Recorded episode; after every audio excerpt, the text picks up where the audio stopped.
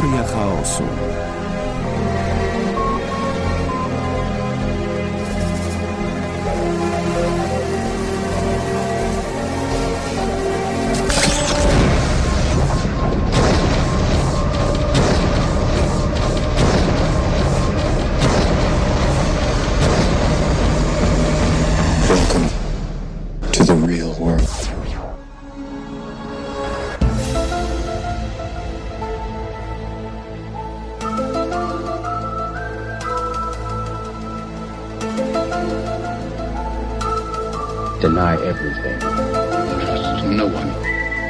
truth is out there.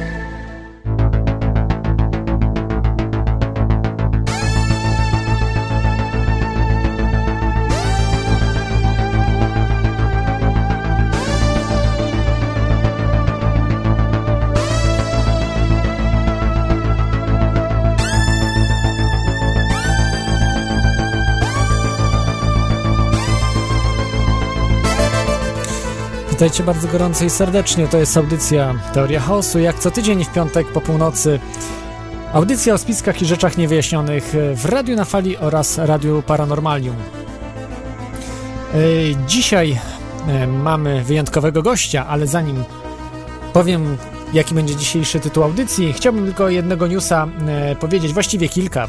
Pierwszy to oczywiście o audycji Teoria Chaosu. Możecie wejść na stronę www.teoriachaosu.com i tam e, ściągnąć sobie archiwalne audycje lub dowiedzieć się e, różnych e, ciekawych rzeczy. Możecie wejść na czata radio.paranormalnym.pl jest tam czat Radio Paranormalnym oraz na stronie Radio na Fali radionafali.com i też jest czat, na którym jestem zresztą, jednym i drugim.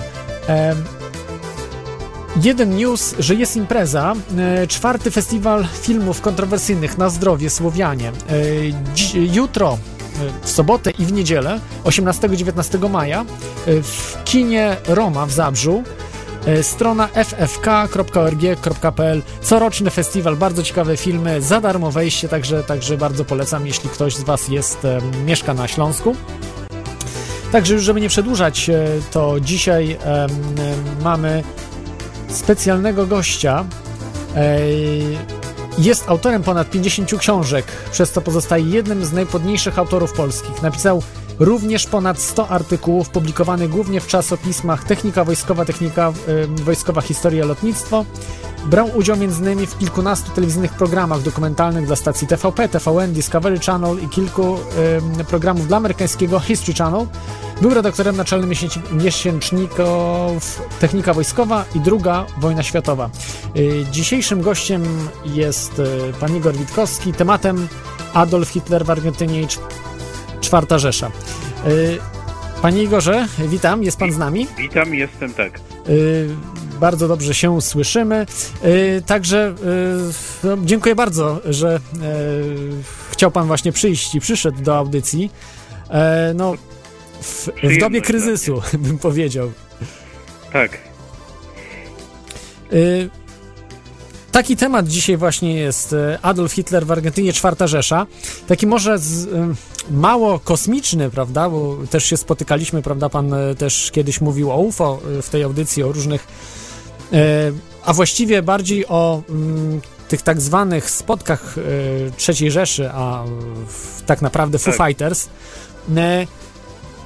On się wydaje mało kosmiczny, aczkolwiek on odsłania przed nami tak niesamowitą rzeczywistość, że właściwie jest to taki temat troszkę z archiwum Mix, to znaczy to, co się tam działo, mam na myśli Argentynę i te wszystkie rzeczy związane ze śmiercią domniemaną Hitlera, to są naprawdę rzeczy tak wstrząsające, niesamowite, że E, no one, to, to, bardzo odbiega od tego kanonu wiedzy, który my posiadamy, wszyscy wynieśliśmy ze szkół i to jest, wydaje mi się, no bardzo taka, no frapująca historia. Y, bo generalnie, jeśli mogę już tak zacząć właśnie w tym temacie, y, to Adolf Hitler, jeśli wszyscy wiedzą ze szkoły, zginął w ten sposób, że y, po prostu zastrzelił się razem z y, współmałżonką Ewą Brown, którą poślubił, y, chyba tej samej, czy, czy dzień wcześniej, nie pamiętam. I mm, z, y, jego, jego ciało zostało spalone. A... Tak, y, taka jest przynajmniej oficjalna, oficjalna wersja. Tak. Natomiast y, sami Rosjanie zaczęli w to powątpiewywać, dlatego że pierwsze ciało, jakie oni znaleźli, to było ciało, które no, jeszcze tego samego dnia zidentyfikowano jako ciało nie należące do Hitlera, mimo że bardzo podobnie wyglądał. Oni przede wszystkim zwrócili uwagę na to, że on miał dziurawe skarpetki, co raczej sobie nie wyobrażali w przypadku szefa państwa, czegoś takiego.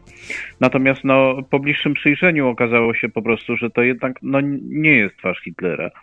I to była pierwsza rzecz, która zasiała wątpliwość, że E, ponieważ to ciało było zakopane płytko w, w leju po pocisku artyleryjskim, e, w ten sposób jakby przy, przy wejściu do bunkra pod kancelarią Rzeszy, że to, to jakby wyglądało tak, jakby ono było po, podstawione w miejscu, gdzie miało być znalezione bezpośrednio, gdzie wiadomo, że Rosjanie będą szukać. I to była pierwsza taka sprawa. Oczywiście nikt nie wiedział wcześniej, że e, w ogóle był jakiś sobowtór czy sobowtórowie wodza III Rzeszy i e, to od razu e, no było taką jakby, było takim czytelnym sygnałem, że ktoś próbuje z nimi grać jakąś grę.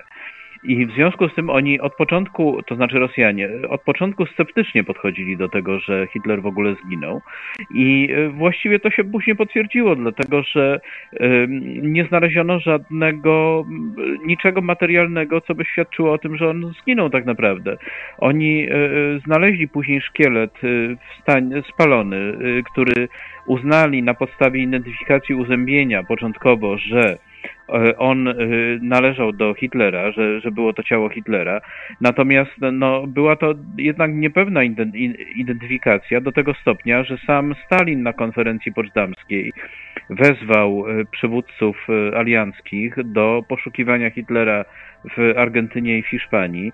To znaczy Stalin sam uznał, że to nie było jednak ciało Hitlera.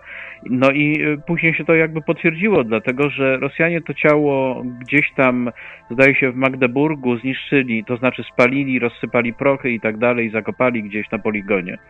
Natomiast zachowali sobie część czaszki, część głowy i e, te, te fragmenty zostały e, przewiezione do Moskwy, to później to były już po prostu kości.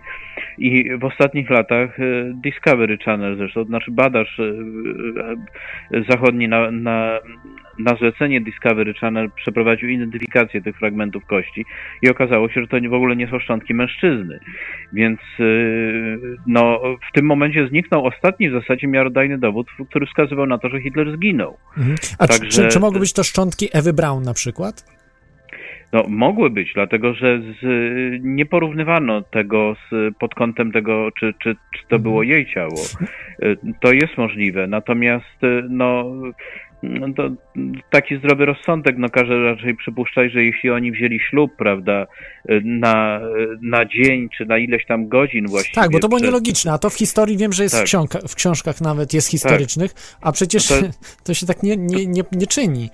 Nie, tak, nie miałoby to żadnego sensu, więc jeśli załóżmy Hitler miałby uciec, a, a ślady prowadziły no, do Argentyny po prostu, no to, mm, y, to raczej należałoby przypuszczać, że on po to wziął ślub, żeby z, żeby z nią, y, z żoną prawda, uciec i, i, i tak to później wyglądało. Mhm. Ja tylko mam takie, tako, jeszcze tutaj takie jedno e, podpytanie, bo kiedyś pamiętam oglądałem e, film, no to było z 5 chyba czy 6 lat temu, e, na, to był chyba National Geographic, tak mi się wydaje, mhm. gdzie właśnie dopuszczono chyba właśnie Brytyjczyków czy tą ekipę telewizyjną do tych szczątków Rosjanie dopuścili, tylko właśnie nie wiadomo było, czy, czy to faktycznie były te Hitlera, bo tak jak pan mówił, że oni je y, jakby zniszczyli, prawda, po części. Tak, no... Y, Ale do dzisiaj one no, są, prawda? Jeszcze dzisiaj to można było zrobić y, analizę DNA i na tej mhm. podstawie ustalić jednoznacznie, prawda?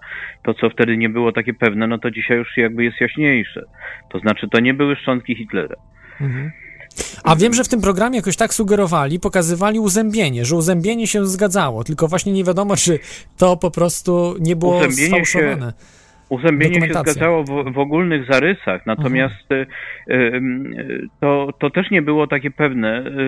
Po pierwsze dlatego, że jeśli istniał, istnieli sobowtórowie czy sobowtórzy, to no, należałoby zakładać, że oni byli upodabniani do oryginałów na wszelkie możliwe sposoby, włącznie z uzębieniem.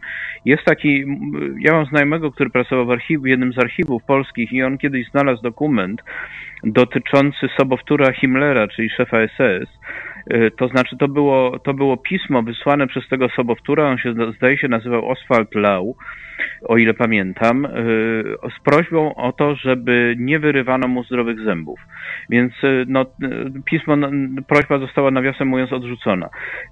To, no więc to wskazywało na to, że oni takie, że, takimi rzeczami też się zajmowali i mieli dobre powody, żeby się tym zajmować, dlatego że w momencie, kiedy odkryte zostały groby polskich oficerów w Katyniu, to z uwagi na stopień rozkładu tych szczątków i no, uszkodzenia twarzy, powiedzmy, dlatego że to były strzały w głowę głównie, to e, e, identyfikację Czerwony Krzyż Szwajcarski przeprowadzał głównie na podstawie uzębienia. I to były, to były pierwsze takie, takie mas, masowe i tak profesjonalne próby właśnie identyfikacji zwłok na podstawie uzębienia, którym Niemcy się no, z siłą rzeczy do, dosyć dobrze przyglądali i w związku z tym oni zdawali sobie sprawę, że w przypadku na przykład śmierci Hitlera czy kogoś innego, to właśnie w ten sposób te zwłoki będą identyfikowane, dlatego no, mieli powody, żeby, żeby uzębienie też modelować, ale tak jak mówię, to nie jest e, argument przesądzający i sami Rosjanie też e, tego nie traktowali jako dowód. Mhm. Bo tak jak pan mówił, że zostało przetestowane, że jednak to nie, nie był szkielet męski, tak? Nie były kości mę... należące tak, mężczyzny. to znaczy ja w tej chwili nie potrafię podać nazwisk, ale tam y, asystentka y, dentysty Hitlera stwierdziła, że to jest, że, to, że, że fragment, jaki jej dostarczono, to był mostek wykonany dla Hitlera. Natomiast y, no, Rosjanie oczywiście nie formułowali opinii w takich sprawach na podstawie jednego zeznania i przesłuchiwano bardzo wielu ludzi w tej sprawie i to, te, te, te zeznania nie były jakby spójne ze sobą. One, one miały wiele sprzeczności, także to, to pomimo ten dowód został odrzucony przez nich jako nie, niejednoznaczny. Mhm. Y, rozumiem. Y, możecie dzwonić. Y, przypomnę, audycja Teoria Chaosu. Dzisiaj rozmawiamy o Adolfie Hitlerze w Argentynie i czwartej Rzeszy. Z nami jest gość Igor Witkowski. Skype radionafali.com, telefon 22 398 82 26, wewnętrzny 321. I miałbym jeszcze takie pytanie tutaj o Hitlerze. Jakie mamy dowody, czy można powiedzieć poszlaki na to, że faktycznie uciekł y, Hitler z, mm, no, z oblężonego bunkra, bunkru w y, Berlinie? Bo... To znaczy, no, dowodów materialnych nie ma, dlatego że jego grobu nigdy nie znaleziono. To znaczy ciała, które można by jednoznacznie zidentyfikować jako ciało Hitlera. Natomiast no, są relacje świadków i y, to jest historia, która dopiero w tej chwili zaczyna się w zasadzie wyłaniać, dlatego że ja mam znajomego w Argentynie, który jest no, jednym z takich lepszych tropicieli nazistów tamtejszych i on ma powiązania z różnymi instytucjami, ma dostęp do pewnych informacji, dokumentów, do których ja nie mam dostępu na przykład i, i w ogóle wielu, wielu ludzi z zewnątrz nie ma dostępu i e, on tą sprawą się zajmował dosyć dogłębnie, e, to znaczy przez wiele lat, przez kilkanaście lat. I to wygląda w ten sposób, że Hitler został przerzucony przy pomocy ubotą, znaczy okrętem podwodnym e, i znalazł się no to jest w ogóle bardzo, bardzo obszerna historia, ale generalnie e, ta diaspora nazistowska w Argentynie była bardzo rozwinięta. Ona może nie była tak bardzo liczna, bo e, tych członków organizacji nazistowskich, e, Niemców tamtejszych, to można by policzyć, powiedzmy, że to było 10 tysięcy mniej więcej, więc to nie jest aż tak bardzo dużo. Natomiast to, byli, to były kręgi bardzo wpływowe, które bardzo dużo mogły i tam między innymi było, było coś takiego jak hotel koło miejscowości Cor Cordoba, on się nazywał Eden, El Eden. I e, on był prowadzony przez ludzi, którzy byli związani z Hitlerem osobiście od w zasadzie początku lat 30. I to byli ludzie, którzy w dużej mierze sfinansowali jego kampanię wyborczą na początku, e, czyli tacy no, przyjaciele. Kiedyś minister Sperry, minister zbroi powiedział, że Hitler nie miał żadnych przyjaciół.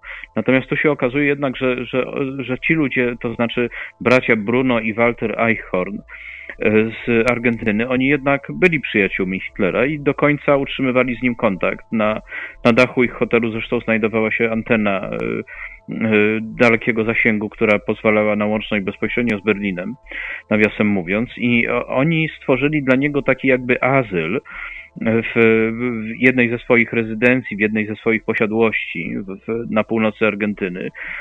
I y, z relacji świadków wynika, że Hitler tam przez pewien czas był. Natomiast y, to był bardzo krótki epizod, dlatego że mm, y, no, na podstawie jakby dochodzenia, które przeprowadził ten mój współpracownik z Argentyny, on się nazywa Abel Basti, wynika, że ogromną większość czasu Hitler spędził w Paragwaju, dlatego że no, Paragwaj był drugim w zasadzie po Argentynie takim sprzyjającym krajem nazistom, dlatego że tam rządził Augusto Stressner niejaki, generał, który, e, którego nazwisko opozycja pisała na murach e, z tymi literami SS w środku nazwiska w postaci runów takich jak SS. Więc e, tam się schroniło bardzo wielu nazistów i wygląda na to, że Hitler właśnie był głównie w Paragwaju i, i gdzieś tam w latach 60. w końcu zmarł tam. Ale w, ja, ja tej sprawy osobiście nie badałem i, i mogę tylko powiedzieć taki, taki skrót informacji na ten temat. Ale to jest bardzo obszerna historia i jest bardzo dużo materiałów na ten temat, wbrew pozorom, które mhm. ostatnio udało się stamtąd jakby wydobyć z Paragwaju. No, z takich jeszcze poszlak, z tego pamiętam, e, chyba dwa lata temu wyszła e, taka informacja z FBI, odtajniono informację FBI z lat 40., z 47 roku, jeśli dobrze pamiętam, że właśnie FBI tak. się zajmowało przypadkiem poszukiwaniami Adolfa Hitlera, czyli to jest... Tak. No ten dokument, który y, rzekomo y, został odtajniony, to tak naprawdę on był znany wcześniej. Ja jednej swoich książ- ze swoich książek chyba sprzed 13 lat już ten dokument zreprodukowałem. Natomiast y, Amerykanie, generalnie alianci, a, a zwłaszcza Amerykanie, oni przykładali do jakby roli Argentyny tak szczególną wagę, że oprócz istniejących służb wywiadowczych, stworzono oddzielną służbę wywiadowczą, która się miała zajmować tylko Ameryką Łacińską. I to było coś takiego, co się nazywa, znaczy agentura, zagraniczna agentura wywiadowcza FBI. Coś takiego nie działało nigdzie indziej w zasadzie, i, a działało tam i oczywiście głównie w Argentynie. I chodziło o to, żeby, żeby właśnie stworzyć specjalną służbę wywiadowczą, która by się zajmowała tymi tropami nazistowskimi tam. I, i, oni z, zdołali zgromadzić bardzo dużo materiałów. One w większości są już dostępne i, i, pokazują no, bardzo ciekawą rzeczywistość. Ale jeśli mowa jeszcze o tej kwestii ucieczki Ber- Hitlera z Berlina, no to tutaj dla mnie takim dosyć poważnym argumentem wskazującym na to, że e, on mógł zostać ewakuowany, Y, to jest to, że no, cała ta operacja ewakuacji strategicznych, jak to sobie Niemcy nazywali, to ona w zasadzie była przecież zrealizowana głównie przez y, bezpośrednich współpracowników Hitlera. To znaczy trzeba tu powiedzieć przede wszystkim o Martinie Bormanie, który był no, de facto zastępcą Hitlera, prawda? Więc czy szef powiedzmy osobistej kancelarii Hitlera w kancelarii Rzeszy SS Gruppenführer Philip Buller i tak dalej to są, no to, to, byli ludzie bezpośrednio Hitlera, więc y, trudno sobie wyobrazić generalnie w takiej sytuacji, żeby te operacje ewakuacyjne były przygotowywane bez wiedzy Hitlera, tej, prawda? A, a jeśli były za jego wiedzą i z jego inicjatywy realizowane, no to trudno też sobie, prawda, wyobrazić, żeby on nie, nie, nie rezerwował tam jakoś swojego miejsca w tym wszystkim. Więc e, no, w sumie to pokazuje no, zupełnie inne spojrzenie jednak na, na końcową fazę II wojny światowej. To, to zaczyna wyglądać zupełnie inaczej. Mhm. Czyli y, po prostu Adolf Hitler miał w planach, y, powiedzmy, tą ucieczkę, czy wydostanie się z Berlina i tworzenie tej czwartej Rzeszy. Tak. No, są, jakby... są, czy są na to jakieś dokumenty, y, relacje, jakichś świadków? No są dokumenty, mhm. dlatego że To zaczęto przygotowywać stosunkowo wcześnie, natomiast taka kulminacja przygotowań do tego zabezpieczenia pot, bo, potencjału kraju, czyli trzeciej Rzeszy za granicą, bo no to trzeba sobie też zadać pytanie w ogóle, jaki sens taka, taka operacja by miała, prawda? Więc ona miała o tyle sens, że ona pozwoliła uratować bardzo wiele rzeczy, które później zostały wykorzystane do odbudowy potencjału Niemiec. Przecież plan Marszala to było zaledwie kilkanaście miliardów dolarów podzielonych na 13 chyba krajów. Więc y, sam plan Marszala nie tłumaczy tego fenomenu cudu gospodarczego Niemiec Zachodnich po wojnie. Jak to się stało, że pomimo tak gigantycznych zniszczeń Niemcy Zachodnie y, stały się dominującą potęgą w Europie w tak krótkim czasie, prawda? Mhm. I y, natomiast no, w tym momencie pojawia się właśnie całe to uzasadnienie tych ewakuacji strategicznych. To znaczy, one pozwoliły osiągnąć bardzo dużo.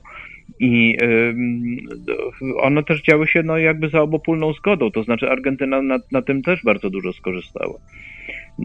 Mhm. Y, mam, mamy słuchacza na antenie, jest z nami Karol. Witaj Karolu. E, witam bardzo serdecznie. Ja na wstępie chciałbym zapytać pana Igora, y, jakie jest jego osobiste zdanie, czy Hitler uciekł, czy nie?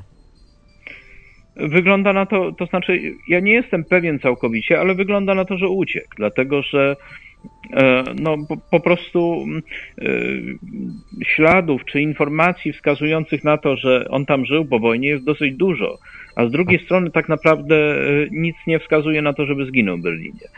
To, jest, to, to, to osiągnęło już takie tak kuriozalne, jakby tak, tak, tak kuriozalną fazę, że w momencie, kiedy kilka lat temu Rosjanie zrobili w Moskwie wystawę na temat bunkra Hitlera w Berlinie, to i, i tam były zdjęcia z tych wszystkich pomieszczeń z tego bunkra z okresu bezpośrednio po wojnie, kiedy to było jeszcze dostępne, bo dzisiaj to już tam nie można wyjść.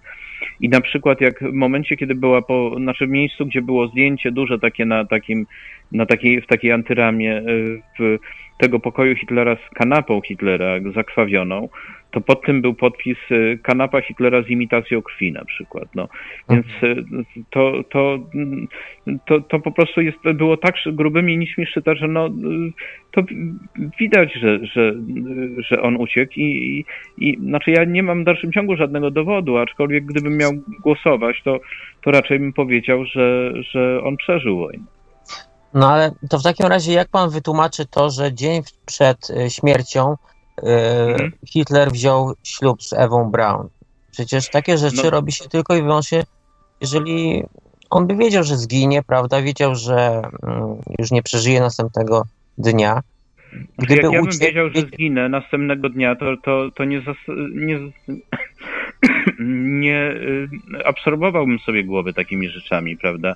Jak planowanie różnych rzeczy na, na, na później, no to, bo to trzeba tak nazwać, nie, prawda? No, gdyby pan wiedział, że pan zginie i miał pan żonę, która nie byłaby poślubiona, to by pan to zrobił, tak? A gdyby pan miał e, wiedział, że pan ucieknie, no to bez sensu byłoby to robić. No ale Karolu, nie, to jest nie, trochę nie, nie byłoby bez sensu, dlatego że on w bunkrze mógł wziąć ślub, wzywając do tego celu powiedzmy urzędnika miejskiego, bo tak można ale było to ja zrobić. Ja wiem, że mógł wziąć, ale dlaczego to zrobił? No dlatego, natomiast, że... na, natomiast w momencie, gdyby uciekł, to miałby z tym pewne trudności, bo musiałby wykazać się dokumentami, kim on jest i tak dalej, prawda? Była to pewna komplikacja. Ja tutaj mówię bardziej nie o e, sprawie takiej prawnej, tylko bardziej sprawie mm, być może uczuciowej z kobietą, z, z którą żył, takiej no ale Hitler nie, nie był chyba y, katolikiem czy, czy chrześcijaninem. No nie był katolikiem, ale no, y, y, wydaje mi się, że jeśli wziął, wziął ślub, no to znaczy uczynił krok jakby w stronę dalszej fazy życia, które chciał zmienić i tak dalej. To, to nie miałoby sensu, gdyby... Dla mnie na przykład krok taki, że on poślubił Ewę jest, mówi o tym, że po prostu wiedział, że zginie następnego dnia, czy w przeciągu kilku dni. No ale dobrze, skoro już to wyjaśniliśmy, to proszę to, mi wytłumaczyć, to... jak uciekł z Berlina do, bo mówił pan, że przetransportowali go ubotem y, przez morze do Argentyny, tak? Ale jak tak. uciekł z Berlina do, do, do, do morza, tak? Do Bałtyku czy no Na krótko przed e, jego do, domniemaną śmiercią, czyli 30 kwietnia 1945 roku, do Berlina została, został wezwany generał Graim wraz z Hanną Reich, czyli pilotką oblatywaczką, bardzo uzdolnioną. Nie wiadomo w zasadzie po co on miałby ją wzywać, gdyby, gdyby odrzucić ten wariant o jego ucieczce. I wprawdzie Grime został ranny w trakcie tego lotu podczas przygotowań do lądowania i nie nadawał się jakby już do użytku, to znaczy został ranny, ale przeżył. Natomiast Hanna Reich wraz z samolotem później zniknęła. Y, ale I... przepraszam bardzo, ale wtedy Berlin był oblężony dookoła, prawda? Oni nie mogli, gdzie oni wylądowali? wylądowali bezpośrednio przy kancelarii Rzeszy na uprzątniętej z gruzów ulicy. Natomiast e, e, Berlin był oblężony i do, do eskorty tego samolotu wezwano całą w zasadzie eskadrę Messerschmittów, która poniosła podczas eskorty tego, tego sztorcha, bo to taki mały samolot, bardzo duże straty i tam kilka tych Messerschmittów zostało strąconych, piloci zginęli. E, i samolot wylądował i po to, żeby on mógł wystartować, co było dosyć trudne w sytuacji, kiedy był bardzo silny ostrzał w ogóle centralnej części dzielnicy rządowej Berlina, to Niemcy wysłali parlamentariusza do sztabu radzieckiego, który poprosił ich o krótkie zawieszenie broni na kilka godzin po to, żeby oni mogli przygotować się do ewakuacji, do kapitulacji, przepraszam. E, tak to przynajmniej Rosjanie zrozumieli. W związku z tym dali tą zgodę, ostrzał został wstrzymany i w tym czasie okazało się, że samolot wystartował, a Niemcy wcale nie byli skłonni do kapitulacji jeszcze, bo w dalszym ciągu walczyli i Rosjanie poczuli się oszukani w pewnym sensie. Generalnie razie... powinny być jakieś relacje świadków, że samolot y, w tym czasie opuścił Berlin. Są takie relacje, tak. Są takie relacje, po prostu są? tego samolotu nie było. Przede okay. wszystkim. I, mhm. I Hanny Reich nie było, ona uciekła z Berlina i później sobie żyła gdzie indziej. Ona A nie, jeszcze nie... ostatnia kwestia, która mnie interesuje, takiej ostatnia, kwest... tak. kwestia psychiczna Hitlera. Czy on jako wielki wódz, przywódca e, był w ogóle w stanie uciec i porzucić e, swój kraj, swój naród, a nie, nie honorowo zginąć e, jak, jak jego żołnierze? To znaczy, to, to bardzo podobne pytanie padło gdy Leni Riefenstahl, to, to była taka najbardziej utalentowana jakby autorka filmów dokumentalnych gloryfikujących e, narodowy socjalizm, ona zadzwoniła, znaczy nie, do niej, ona mieszkała sobie gdzieś z dala od Berlina, do niej zadzwonił już w tych ostatnich godzinach w zasadzie wojny, czy ostatnich dniach wojny, przepraszam, pod koniec kwietnia, do niej zadzwonił człowiek, który się okazał kamerzystą, jej bliskim współpracownikiem i on jej powiedział przez telefon, że on dzwoni przez ostatnią bezpieczną linię telefoniczną z bunkra pod kancelarią Rzeszy, gdzie się jakim, jakimś cudem znalazł. I e, ona mu zadała właśnie podobne pytanie, jak pan zadaje, na co ten kamerzysta mu odparł, o czym ty mówisz? Hitler przez radio powiedział, że, że zostaje do końca, natomiast tutaj wszystkim mówi, że on ucieknie z pierwszym samolotem. Tak mu odpo takiej odpowiedział. Y, dzięki Karolu za ten te telefon. Dziękuję. Tak, taka informacja jest w każdym razie w biografii, w autobiografii Leni Riefenstahl. Mhm. Tak przy okazji. Y, jest z nami y, ja. No, cześć Klot, tu Persefona. Witaj. Dobry wieczór. E, mam takie pytanie, które bardzo mnie ciekawi e, właśnie w związku z tą teorią o ucieczce Hitlera. E, mianowicie, jak e, Hitler mógłby się tam ukryć, nie, nie być rozpoznanym, prawda? Bo przecież on dość charakterystyczny był. Yy, nawet gdyby zgolił włosy, zmienił fryzurę, to jednak yy, ta, ta jego taka charakterystyczna postać yy, myślę, że byłaby dość rozpoznawalna. Także czy jest jakaś teoria związana z tym, w jaki sposób mógłby właśnie tam żyć w Argentynie? No, paradoks polega na tym, że mm, on żył w zamknięciu i e, ta e, struktura nazistowska, czyli Odessa, e, rządząca w zasadzie Niemcami w Argentynie po wojnie, to, to, była, to była struktura w zasadzie kierowana przez ludzi, którzy w czasie wojny byli takim drugim rzutem, to znaczy Bormann, Hans Ulrich Rudel, który pełnił bardzo ważną rolę w tej Odessie, pilot niemiecki. Zastępca, zastępca Bormana i szereg takich osób. I oni trzymali w zasadzie rękę na tych pieniądzach olbrzymi, które tam się znalazły. I utrzymywali kontakty ze służbami argentyńskimi i tak dalej. Natomiast paradoks polegał na tym, że Hitler w momencie przerzucenia go tam, on stracił całą władzę w zasadzie. On był człowiekiem, który nie miał, do, nie, nie miał żadnej władzy, nie mógł utrzymywać kontaktów z nikim i był trzymany w zamknięciu w zasadzie. I właściwie to nie liczył się. Zupełnie się nie liczył. On został po prostu odcięty od świata ze wszystkimi tego konsekwencjami. Czyli Pełnił nie, życie takiego, takiego emeryta w zasadzie, no odludka, można powiedzieć. Czyli po prostu, po prostu chodziło mógł... o hmm? nie wiem, chęć jakiegoś nie wiem, zachowania tego symbolu jako y, tego wodza III Rzeszy, żeby, y, żeby on tam po prostu był i żeby dla nich y, było wiadome, że on żyje, czy jak to się odbywało? To znaczy, no, on był inicjatorem całej tej operacji, więc no, on musiał być ewakuowany. Natomiast jaką on rolę pełnił jakby z ich punktu widzenia, no to wydaje mi się, że właśnie taką, jako symbolu, który zag, zagrzewa ich i mobilizuje do dalszej walki, do dalszego oporu i do, do kontynuowania tego jakby w cudzysłowie dzieła, prawda? Mhm. Dobrze, dziękuję bardzo za odpowiedź na to pytanie, bo to mnie nurtowało od jakiegoś czasu, także jestem bardzo wdzięczna i e, pozdrawiam Radio Paranormalium i Iwera i przełączam się na odsłuch, bo naprawdę bardzo, bardzo, bardzo fajna audycja, bardzo ciekawa. Dzięki wielkie. Dzięki, dzięki Persafona.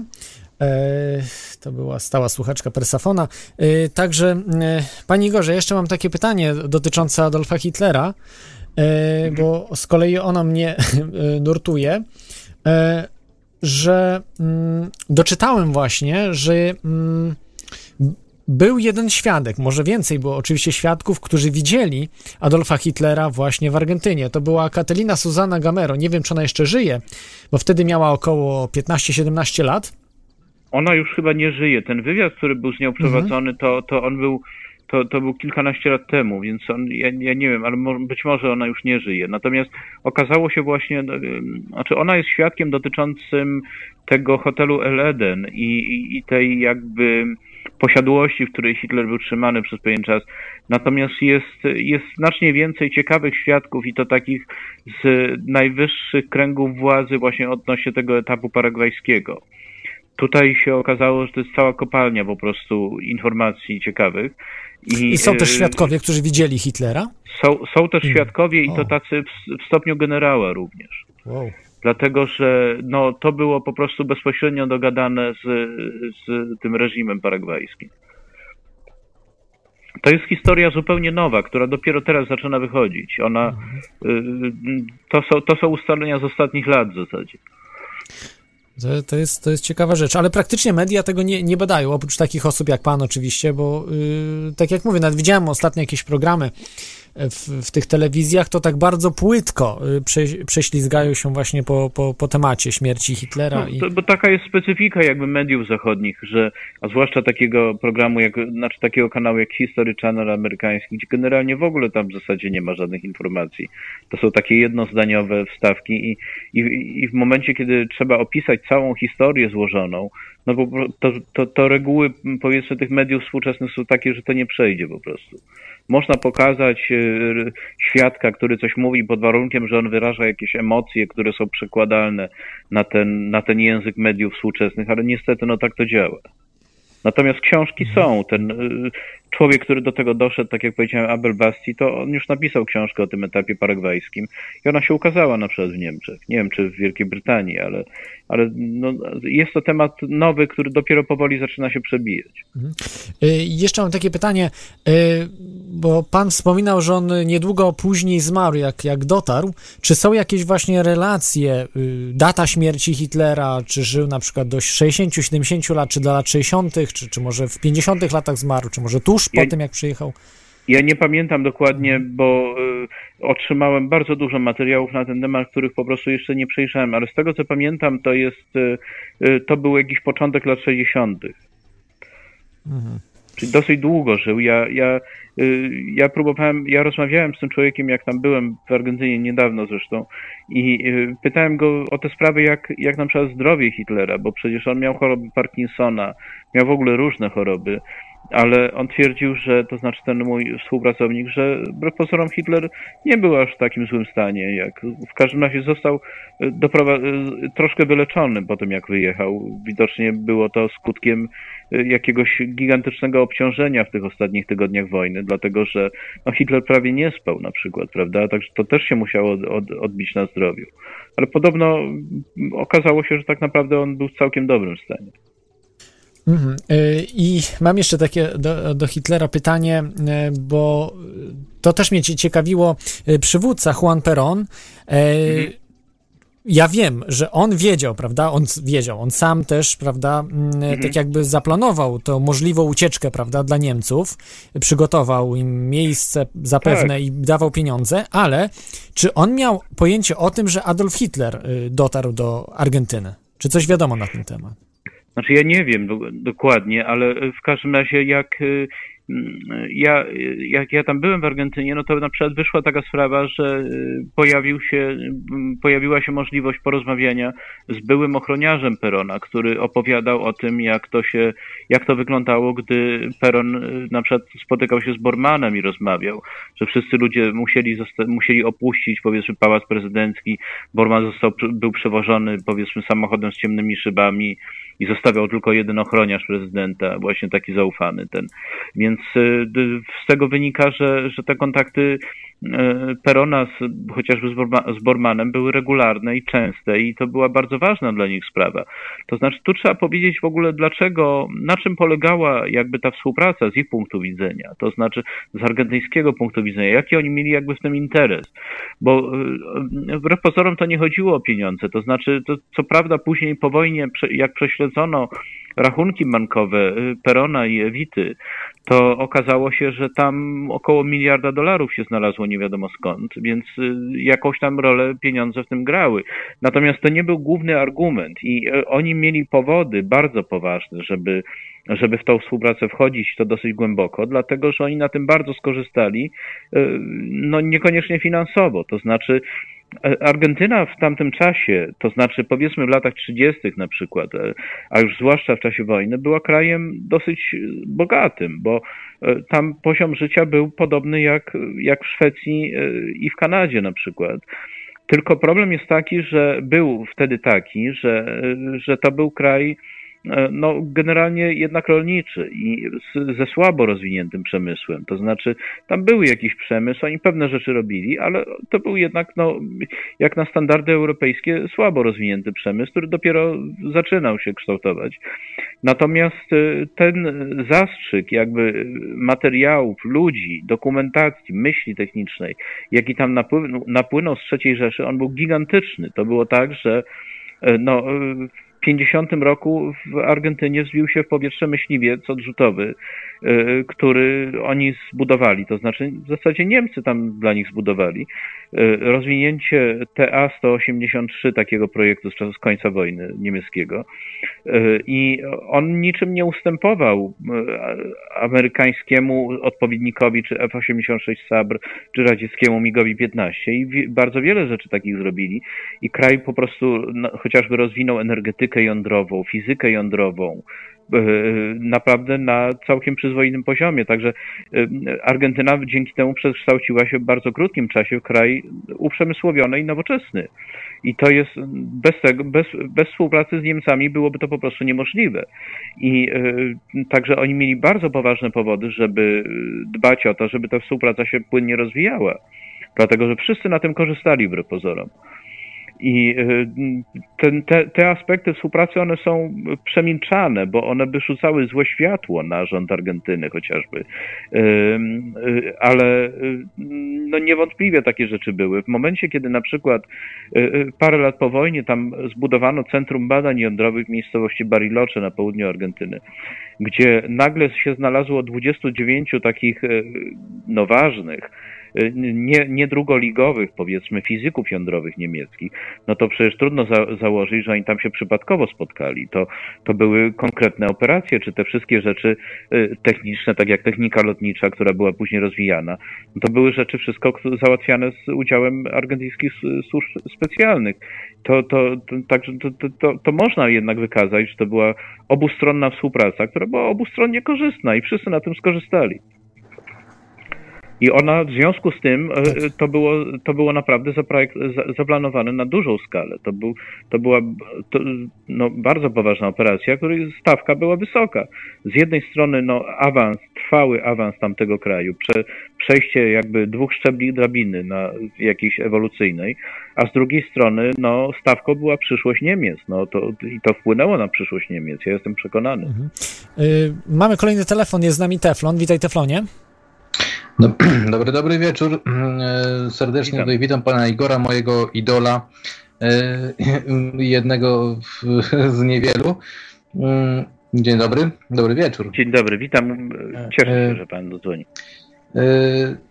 Takie pytania mam, e, bo tutaj Pan mówił właśnie o tym, że Hitler uciekł do tej Argentyny, ale tak chciałem to właśnie z, z porównać z tym, że na ile e, realne było to, czy Hitler umarł w, w zamachu, e, który się tam odbył w Wilczym Szańcu 20 lipca 1944 roku, E, czy to się właśnie ten zamach udał, czy się nie udał? Czy to był Hitler, czy to był jego właśnie sobowtór? Jak pan myśli? No nie, wygląda na to, że to był jednak Hitler, który no nie zginął, dlatego że to było tak, że jeszcze chyba tego samego dnia, z tego co pamiętam, e, do e, Kętrzyna przyjechał pociągiem Mussolini i z całą delegacją włoską rządową i w każdym razie no, Hitler, to znaczy ta sama w każdym razie osoba, która padła ofiarą zamachu, bo jeszcze ciężko ranna, y, y, przywitał się z Mussolinim i na początku zresztą rozmowa przebiegała całkiem normalnie i Mussolini nie od razu się zorientował, że tam był jakiś zamach w ogóle. Także y, odrębnym tematem dosyć ciekawym jest to, że no, Hitler jednak przetrwał bardzo dużo prób zamachów, to znaczy, jak ktoś kiedyś podliczył, to mm, y, zamachów planowanych lub zrealizowanych było około 50, y, z czego kilka no, fizycznie przeprowadzono i, i Hitler je przeżył. W większości wypadków przewidując te, to, że zamach może mieć miejsce. Akurat nawet w przypadku tego, to, to jest w ogóle odrębnym tematem bardzo ciekawym, prawie że nieruszonym przez nikogo, ale nawet jedna z sekretarek Hitlera wspominała później, znaczy powiedziała komuś na początku tego dnia, jakoś godzinę czy dwie godziny przed zamachem, że Hitler przewidywał, powiedział jej, że coś się dzisiaj stanie, że, że, że coś, coś, bardzo złego. Także no, jest, jest to dziwne, ale, ale jemu się udało przetrwać wszystkie próby zamachów, nie wspominając już o, o zamachach planowanych przez na przykład e, e, brytyjskie służby specjalne, które też próbowały go zabić. A też było kilka takich prób i, i żadna się nie udała. No właśnie faktycznie tych zamachów było bardzo mnóstwo, bardzo dużo, i, mm, ale kwestia jest taka, że jeszcze tak mnie zastanawia, czy nad Hitlerem e, faktycznie nie, nie, nie siedziały jakieś tam moce takie już z, nie, sfer, demoniczne czy niedemoniczne, bo chodzi mi tu o to, e, na ile w ogóle cały ten plan Hitlera, mm, że jednych tępić, innych tam ubóstwiać i, i, i rasa mhm. panów, rasa bogów, na ile to właśnie był, był, było myślenie Hitlera, na ile to właśnie to całe to tule, które tam właśnie te swoje e, obrządy i te, te, te Tajne składane... stowarzyszenie, y, przypomnę, prawda? Tak, tak, oczywiście. Heinrich Himmler y, tam jest jednym z tych e, jakby takich propagatorów tego, ale chociaż powstało to wcześniej i wszystko innego. No właśnie chodzi mi o to, na ile Hitler, a na ile Tule, ten cały plan tępienia i, i tego, to, to, to jest myśl Hitlera, Hitlera, a ile Himmlera, czegoś innego.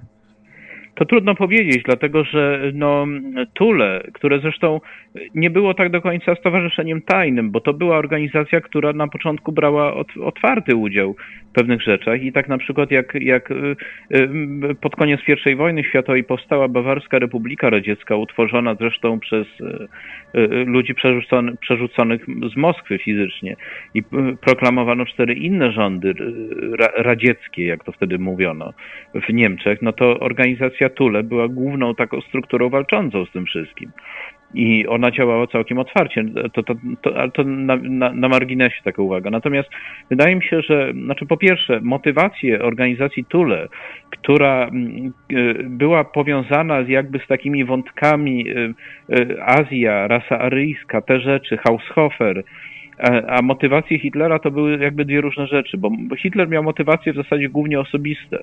To jest, to trzeba rozróżnić. Natomiast, więc wydaje mi się, że tutaj większy jednak, większą jednak rolę odgrała ta organizacja Tule i inne podobne struktury, y, które też istniały, albo, albo inni ludzie, prawda? Mm, Hitler w mniejszym stopniu ukształtował całą tą ideologię. Tak, tak jednak sądzę. Yy, no i tak mi się z tym tylko wiąże już na koniec. Yy, czy pan yy, jakoś widzi w dzisiejszym świecie jakby kontynuację tego wszystkiego? Czy jakoś to, to pan tak może podświadomie, może tak bardziej... Znaczy, czegoś w rodzaju ukrytego rządu, tak? To, to ma pan. No tak, takie to jest pytanie w sumie. Nie?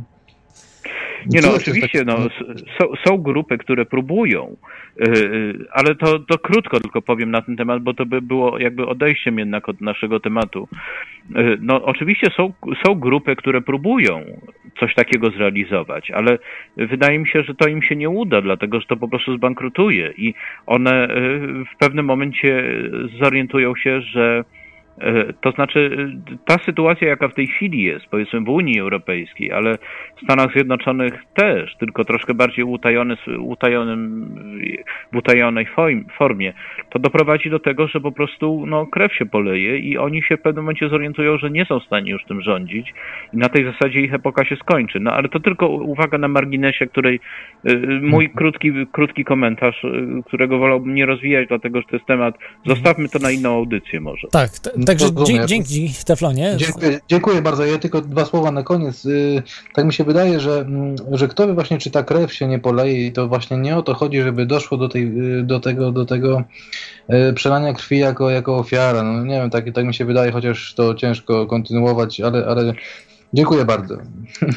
Dzięki. Do, to, to jest długi temat. Oczywiście, dobranoc, dziękuję. Dobranoc. To, to był Teflon. Tak, to wracamy do tematu. Przypominam, że to jest audycja Teoria Chaosu z Igorem Witkowskim na temat um, a, Adolfa Hitlera w Argentynie i IV Rzeszy. Także myślę, że teraz y, moglibyśmy przejść do tematu, y, tak już, już pominąć Adolfa Hitlera i przejść do tematu IV Rzeszy, bo y, właśnie ta czwarta Rzesza, tak jak tutaj też Teflon słuchacz zauważył, czy to był bardziej pomysł kogoś innego, jak, jak na przykład to Towarzystwo Tule, czy to był pomysł Adolfa Hitlera, może jeszcze kogoś innego, właśnie żeby przerzucić wszystko y, w, do innych krajów, tak? Po prostu to poza znaczy, tam, tam były jakby różne orientacje i różne cele one miały, y, które no, były zbieżne. Dlatego że y, no, byli ludzie zainteresowani finansami, prawda? Y, którzy y, zabezpieczyli w ten sposób gigantyczne kapitały na przyszłość. Byli ludzie, którzy mieli pewną wizję polityczną, no, dzisiaj można powiedzieć, że utopijną, prawda? Kontynuacji narodowego socjalizmu gdzieś tam, prawda, w Andach. Ale i, i, i te chociażby dwie grupy, powiedzmy, działające wewnątrz tej struktury niemieckiej, no to one były różne, ale jednak ich cele były zbieżne, prawda? To tak jak Argentyna, która miała swoje cele, ale ten cel też był zbieżny z tym celem niemieckim. To się nie kłóciło, prawda? I na tej, ale na tej zasadzie trzeba powiedzieć też, że tutaj te organizacje typu Tule, one odegrały w tych działaniach ewakuacyjnych i funkcjonowaniu później tej struktury tam, y, one odegrały dużą rolę dużą rolę, to znaczy na pewno większą rolę niż w III Rzeszy w trakcie jej istnienia. Dlatego, że ja, ja, znaczy tam jest w ogóle taki etap był, że, znaczy taki wątek, że Canaris, który był szefem wywiadu niemieckiego, to znaczy wywiadu Wehrmachtu, nie wywiadu SS, który był czymś oddzielnym, on osobiście w zasadzie założył agenturę, rozwinął agenturę tam, dlatego że on był dowódcą pancernika Schlesien, który w latach 30. opływał na zasadzie to, miał, to miała być wizyta kurtuazyjna, rozpoznawcza, szkoleniowa i tak dalej, ale w każdym razie on e, był e, ten okręt zawijał tam do różnych portów w Argentynie i w Chile i to, to, to było w latach 30., natomiast też to było jakby odgrzaniem koncepcji, koncepcji, która mu się narodziła jeszcze w czasie I wojny światowej. Dlatego, że mm, y, był oficerem na takim okręcie Dresden w czasie I wojny światowej. Y, było coś takiego jak Bitwa Falklandzka i ten y, krążownik Dresden, on wysadził część załogi w jednym z fiordów chilijskich, w Chile są fiordy i mm, Canaris osobiście założył agenturę na południu Argentyny w miejscowości Bariloche i tam później to odżyło, jak się wojna kończyła, dlatego że tam został zainstalowany jako taki rezydent Avery jeden z najbliższych współpracowników Canarisa, taki jego najbardziej zaufany człowiek. On się nazywał Juan Mahler, później w Argentynie tak naprawdę nazywał się Reinhard Kops Zmarł dopiero w 2001 roku, z tego co pamiętam. I to była kluczowa postać, jeśli chodzi o ewakuację w ogóle tam. E, on nadzorował te projekty, które dotyczyły najbardziej awangardowej techniki, naprawdę awangardowej. I wiadomo, i to nie jest żadna tajemnica, on się sam do tego przyznawał, on był członkiem Towarzystwa Tule. I takich przykładów było kilka. To znaczy przykładów tego rodzaju osób. Na przykład analogiczny przedstawiciel jakby tej struktury istniał w czymś takim, co się nazywało Kolonia Dignidad, czyli jedna z wielu enklaw, akurat ta się znajdowała w Chile. I, i, I, tam też organizacja Tule e, odgrywała pewną rolę. I ja, ja mogę powiedzieć o konkretnych rzeczach, którymi się oni zajmowali. I, i to są rzeczy, e, i, i ci ludzie z tego kręgu, powiedzmy, no to była jednak, to, to ja mogę powiedzieć, że to była najwyższa półka. To znaczy, to byli ludzie, którzy nie myśleli o tym, czy odrodzić, powiedzmy, narodowy socjalizm w ciągu trzech lat, czy coś, tylko to byli ludzie, którzy myśleli i myślą do dzisiaj, ich spadkobiercy, o przyszłości, o dalszej przyszłości. Oni mieli zupełnie inną perspektywę. Ja o tym wiem, bo ja się z tym zetknąłem po prostu. I y, ta, te struktury, one w dalszym ciągu działają i w jakimś sensie y, i kontrolują sytuację. To ja wiem, że to brzmi niesamowicie, ale tak jest. Mhm. Y, mam tutaj pytanie o tą technikę, którą wywozili, bo y, oczywiście wiemy, prawda, o, o rakietach, mhm. o silnikach odrzutowych, ale czy y, chodzi panu, y, panie Gorze, o to, że wywozili jeszcze technikę taką, której dzisiaj nie znamy? do, do tej Argentyny. Tak, tak. I są na to tak. dowody jakieś? Jakieś dokumenty? No, y, y, to znaczy ja o tym wiem, ale ja, znaczy... Y, oni się ze mną skontaktowali po prostu kiedyś i, i żeśmy sobie y, y, troszkę porozmawiali. To znaczy, y, ja się w pewnym momencie zorientowałem, że oni się przyglądają temu, co ja robię. I po prostu to no, znaczy mówimy o, o tej towarzystwo Tul, ta, Tule, tak? O tych, to znaczy ja nie wiem, czy to, jest, czy to jest organizacja Tule, ale to są w każdym razie ludzie, którzy trzymają rękę na tej, na tej technice naprawdę, naprawdę awangardowej. I rozmowa polegała na tym, że oni wiedzą, że ja wiem, że to wszystko będzie miało znaczenie z punktu widzenia przyszłości i, i za jakiś czas wyjdzie na światło dzienne. Oni wiedzą, że ja to wiem i ja im powiedziałem też, że ja wiem, co oni wiedzą i tak dalej. Więc to była, to była bardzo dziwna wymiana zdań. To znaczy, to nie była rozmowa tylko, tylko powiedzmy albo przez człowieka, którego oni tu wynajęli, e, przekazywaliśmy sobie informacje, albo no raz dostałem e-maila też od nich, ale e, no to jest, to, to, nie była żadna próba werbunku ja bym też ich nie nazywał żadną organizacją taką wywiadowczą, bo oni tu nie zbierają żadnych informacji, ale, ale w każdym razie to była bardzo ciekawa wymiana jakby informacji, która wskazywała na tym, na to, że oni jednoznacznie zdają sobie sprawę z tego, co mają w ręku. Oni mhm. wiedzą i dlaczego mają i, i, i po co mają. I to, to, to jest bardzo dziwne, ale, ale to, to, to jest właśnie taki e, aspekt tego, który, o którym, którego istnieje mało ludzi wie naprawdę. Mhm. Y, tutaj, czy, czy to, jeszcze tak podpytam konkretnie, czy to chodzi o tą właśnie technologię Foo Fighters, tych, tego dzwona, tak, tego no silnika? To, to, to, chodzi, to chodzi o całą antygrawitację generalnie. Oni tam, to jest tak, że E, tak jak powiedziałem, że na południu Argentyny, znaczy to nie jest tak naprawdę na południe, tylko troszkę poniżej środka powiedzmy, 1400 kilometrów na południowy zachód od Buenos Aires jest taka miejscowość Bariloche i tam pod koniec lat 40. założono ośrodek badań jądrowych, który stał się, gdzie zgromadzono tych wszystkich kilkudziesięciu fizyków e, e, jądrowych niemieckich. I, ale ten ośrodek stał się miejscem docelowym ewakuacji nie tylko dotyczącym fizyki jądrowej, w tym sensie broni jądrowej czy energii jądrowej, ale też e, wielu innych rzeczy, w ogóle tych najbardziej awangardowych e, tematów technicznych. Na przykład ja rozmawiając tam z jednym z dyrektorów tego ośrodka e, jakiś czas temu, ileś lat temu, to na przykład się dowiedziałem, że tam trafiły, trafiły na przykład dokumentacje napędu w postaci turbiny Waltera dla okrętów podwodnych typu 26W na przykład cała pełna dokumentacja okrętów, o istnieniu których w ogóle mało kto wie, że coś takiego było projektowane, a już y, jeszcze mniej ludzi wie, że w ogóle już zaczęto budować prototypy pod koniec wojny. Więc y, to, to jest przykład, ale oprócz tego właśnie trafiła tam nie tylko normalnie rozumiana fizyka jądrowa, ale również te rzeczy antygrawitacyjne. I tym się zajął, konkretnie się zajmował ten człowiek, który, o którym wspomniałem, to znaczy niejaki Reinhard Kops. On był, y, no, on, on był bardzo ważnym człowiekiem. Mm, widziałem zdjęcie, jak, jak jesteście ciekawi, jak wygląda Reinhard Kops, to polecam wam y, książkę pana Igora, Hitler w Argentynie, Czwarta Rzesza, którą y, no ja kupiłem, bo ileś lat temu dostałem ją. Czy można ją dzisiaj kupić, y, Panie Gorze? Znaczy, jest... Ona, jest, ona jest kompletnie i totalnie w ogóle nieosiągalna, nigdzie. Ja bardzo mocno pilnuję tych jakichś tam dwóch egzemplarzy, które jeszcze mam.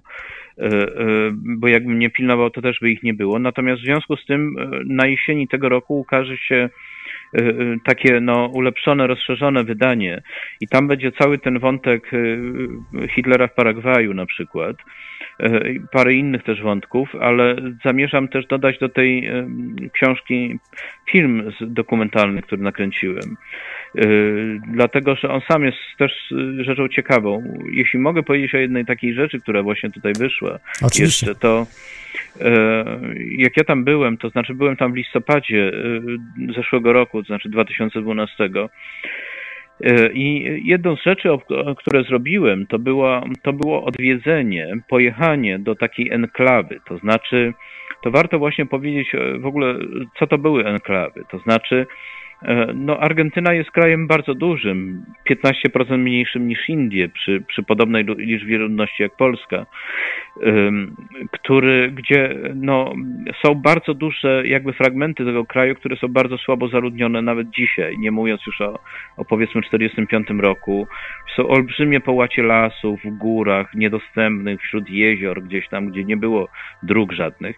I w takich miejscach lokowano enklawy. To znaczy, to było coś takiego, które w zasadzie nie, nie przypominało ani, ani wioski, ani niczego, bo to były takie rzeczy, takie osiedla jakby zaprojektowane przez architektów w ogóle właśnie pod kątem funkcjonowania jako takie, e, nie wiem, mikropaństwa w próbówce, prawda, które miały własną, własne systemy łączności radiowej dalekiego zasięgu, własne zasilanie w energię elektryczną.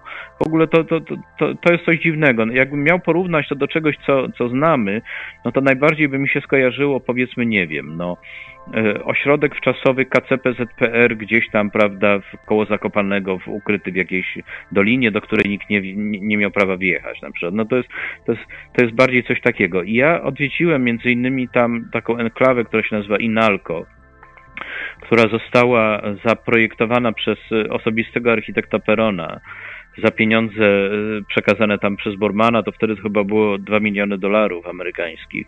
Czy dzisiaj to by było powiedzmy 20-30 milionów, tak naprawdę, jeśli chodzi o koszty. Bo to jest, to jest, to jest y, dosyć duży obszar, 35 kilometrów, nie, przepraszam, około 20 kilometrów kwadratowych w środku lasu, do którego w tej, wtedy nie było żadnego dojazdu. I ja wprawdzie mm, wcześniej już, to znaczy zanim tam dotarłem, miałem zdjęcia z wnętrza tej enklawy, bo tam znalazł się człowiek, mój współpracownik z kolei z Urugwaju, który kiedyś tam wykonał zdjęcia budynków i to no, bardzo ciekawe, bo to, bo to takie budynki zrobione na styl alpejski, ale takie troszkę przypominające, ale całkowicie drewniane, to znaczy przypominające taką architekturę typu schronisko powiedzmy, e, ale, ale no bardzo ładnie, gustownie zrobione. I ja widziałem same te budynki. One wyglądały ładnie, no widać, że jeden z najwybitniejszych architektów ówczesnych to projektował i tak dalej. Natomiast nie zdawałem sobie sprawy z tego, jak wygląda cała okolica tego wszystkiego. Więc jak ja tam dotarłem, to z pewnymi trudnościami zresztą, to no szczerze mówiąc, no nie wiem jak to powiedzieć, ale ja byłem już y, w różnych miejscach na świecie, ale nie widziałem miejsca, które by y, no po prostu zatkało mi dech w piersiach. To znaczy tak, tak piękne, tak piękne. To znaczy widać po prostu, jak się na to spojrzy, to będzie na tym filmie widać, że e, no, to no, trudno sobie wyobrazić, że to byli ludzie, którzy przegrali wojnę, no po prostu. Dlatego, że Europa była zniszczona, zwłaszcza Niemcy były zniszczone. W wielu krajach Europy bezpośrednio po wojnie była żywność na kartki, był głód. Na przykład w Wielkiej Brytanii była żywność racjonowana. Natomiast oni tam trafili po prostu do ośrodka wczasowego i to takiego no, sześciogwiazdkowego powiedzmy tak można powiedzieć. To jest, to jest szokujące. Jak się, to, widok tego wszystkiego to jest to, to, no, to czasami mówi dużo więcej niż jakieś tam powiedzmy pogłoski na temat Hitlera, czy spekulacje, czy coś, bo tutaj to widać po prostu, że no to naprawdę była czwarta Rzesza. Ale to mhm. też tylko uwaga na marginesie taka. Zrobiło to na mnie olbrzymie wrażenie. E, ten widok. No trochę tak przykro, że właśnie tak. ci, którzy y, dokonali zniszczenia Europy w dużej mierze, prawda, i też po części tak. świata. No... Byli tam całkowicie bezkarni. Byli tam całkowicie bezkarni. Tam takich enklaw w Argentynie było pięć. E, I jedną z nich na przykład e, enklawą Santa Rosa koło, koło miasta Cordoba, to tak bardziej na północ Argentyny, która miała formę takiego małego miasteczka zbudowanego od podstaw, no to nią kierował SS-Gruppenführer Ludolf von Alfensleben, czyli adiutant Himmlera na przykład. Takich ważnych ludzi to tam było sporo. Zresztą w tej enklawie, którą ja odwiedzałem, to tam też mieszkał jakiś generał SS. Nie bardzo wiadomo kto. No niektórzy podejrzewają, że to był Kammler czyli właśnie ten człowiek odpowiedzialny za te, za te najbardziej awangardowe projekty, ale w każdym razie tam naprawdę trafiło dużo ważnych ludzi i to, to pieniądze, jakie tam w ogóle oni wraz z nimi przyszły, no to też były duże. Bo to widać dlatego, że mm, te domy, w których oni mieszkali, to w dalszym ciągu e, w wielu przypadkach ich e, potomkowie mieszkają nadal i, i no, to są naprawdę posiadłości imponujące. Takich, jakich w Polsce nie ma, to tak można powiedzieć. Mhm. Czyli bardziej porównywalne prawda, do Szwajcarii, do y, austriackich jakichś takich. To znaczy tak, no to jest to, takie miejscowości właśnie niemieckie, tak jak właśnie Bariloche czy San Martin de los Andes, Obie zresztą jakby flankowały tą główną enklawę Inalco, to znaczy zapewniały, jak to się mówi, dozór operacyjny w promieniu kilkudziesięciu kilometrów, żeby tam się w ogóle nikt nie zbliżył na taką odległość do tej enklawy. Y, te enklawy właśnie powstawały w takich miejscach, gdzie wokół znajdowały się miejscowości kontrolowane przez Niemców. I, i, i te, powiedzmy, no, posiadłości niemieckie to jest to po pierwsze te miasteczka są utrzymane w takim stylu alpejskim, tyrolskim, niemieckim, aż, aż, aż do przerysowania. To tak jakby sobie wyobrazić powiedzmy folder o, o Alpach czy o Innsbrucku i tak dalej i porównać to do rzeczywistości, no to ten folder byłby taki upiększony. Więc tam to jest takie bardziej właśnie upiększone w stosunku do tego, co było naprawdę w Niemczech. I, ale poza tym no też widać, że to są, że to były no dosyć takie no bogate, to znaczy drogie posiadłości. Na przykład tam w tym Barilocze był taki człowiek, który był prawą ręką Gauleitera Tyrolu, czyli takiego partyjnego zarządcy Tyrolu. On się nazywał Friedrich Lanchner i E, to był człowiek, który organizował szlaki przerzutowe przez Alpy e, pod koniec wojny i e, natomiast tam później w Argentynie to on w zasadzie odpowiadał za finanse Odessy, czyli tej ich organizacji. I no on takich posiadłości miał pięć na przykład. Więc to jak się na to spojrzy, jak się bliżej na to spojrzy, to, to, no to, to jest jednak oszałamiające, no bo na przykład w samym takim Barilocze to była cała dzielnica nazistowska. To znaczy, jak były urodziny Hitlera, powiedzmy jeszcze tam w latach 50., to, no to były podobno, były transparenty w poprzek ulicy, na przykład. I to, więc to, to jest też bulwersujące, że to zostało rozwinięte, istniało, funkcjonowało, e, realizowało swoje cele w zasadzie bez żadnego przeciwdziałania. Dlatego, że no wszystko wskazuje na to, że Niemcy pod koniec wojny zawarli no coś w rodzaju porozumienia z Orientami, że w zamian za coś e, będą mieli tam spokój, prawda? A Rosjanie by czuli się za słabi, żeby tam jednak działać. Mhm. Rosjanie nie mieli z Argenty agentury jakiejś rozwiniętej takiej w Argentynie, powiedzmy w przeciwieństwie na przykład do Amerykanów. R rozumiem.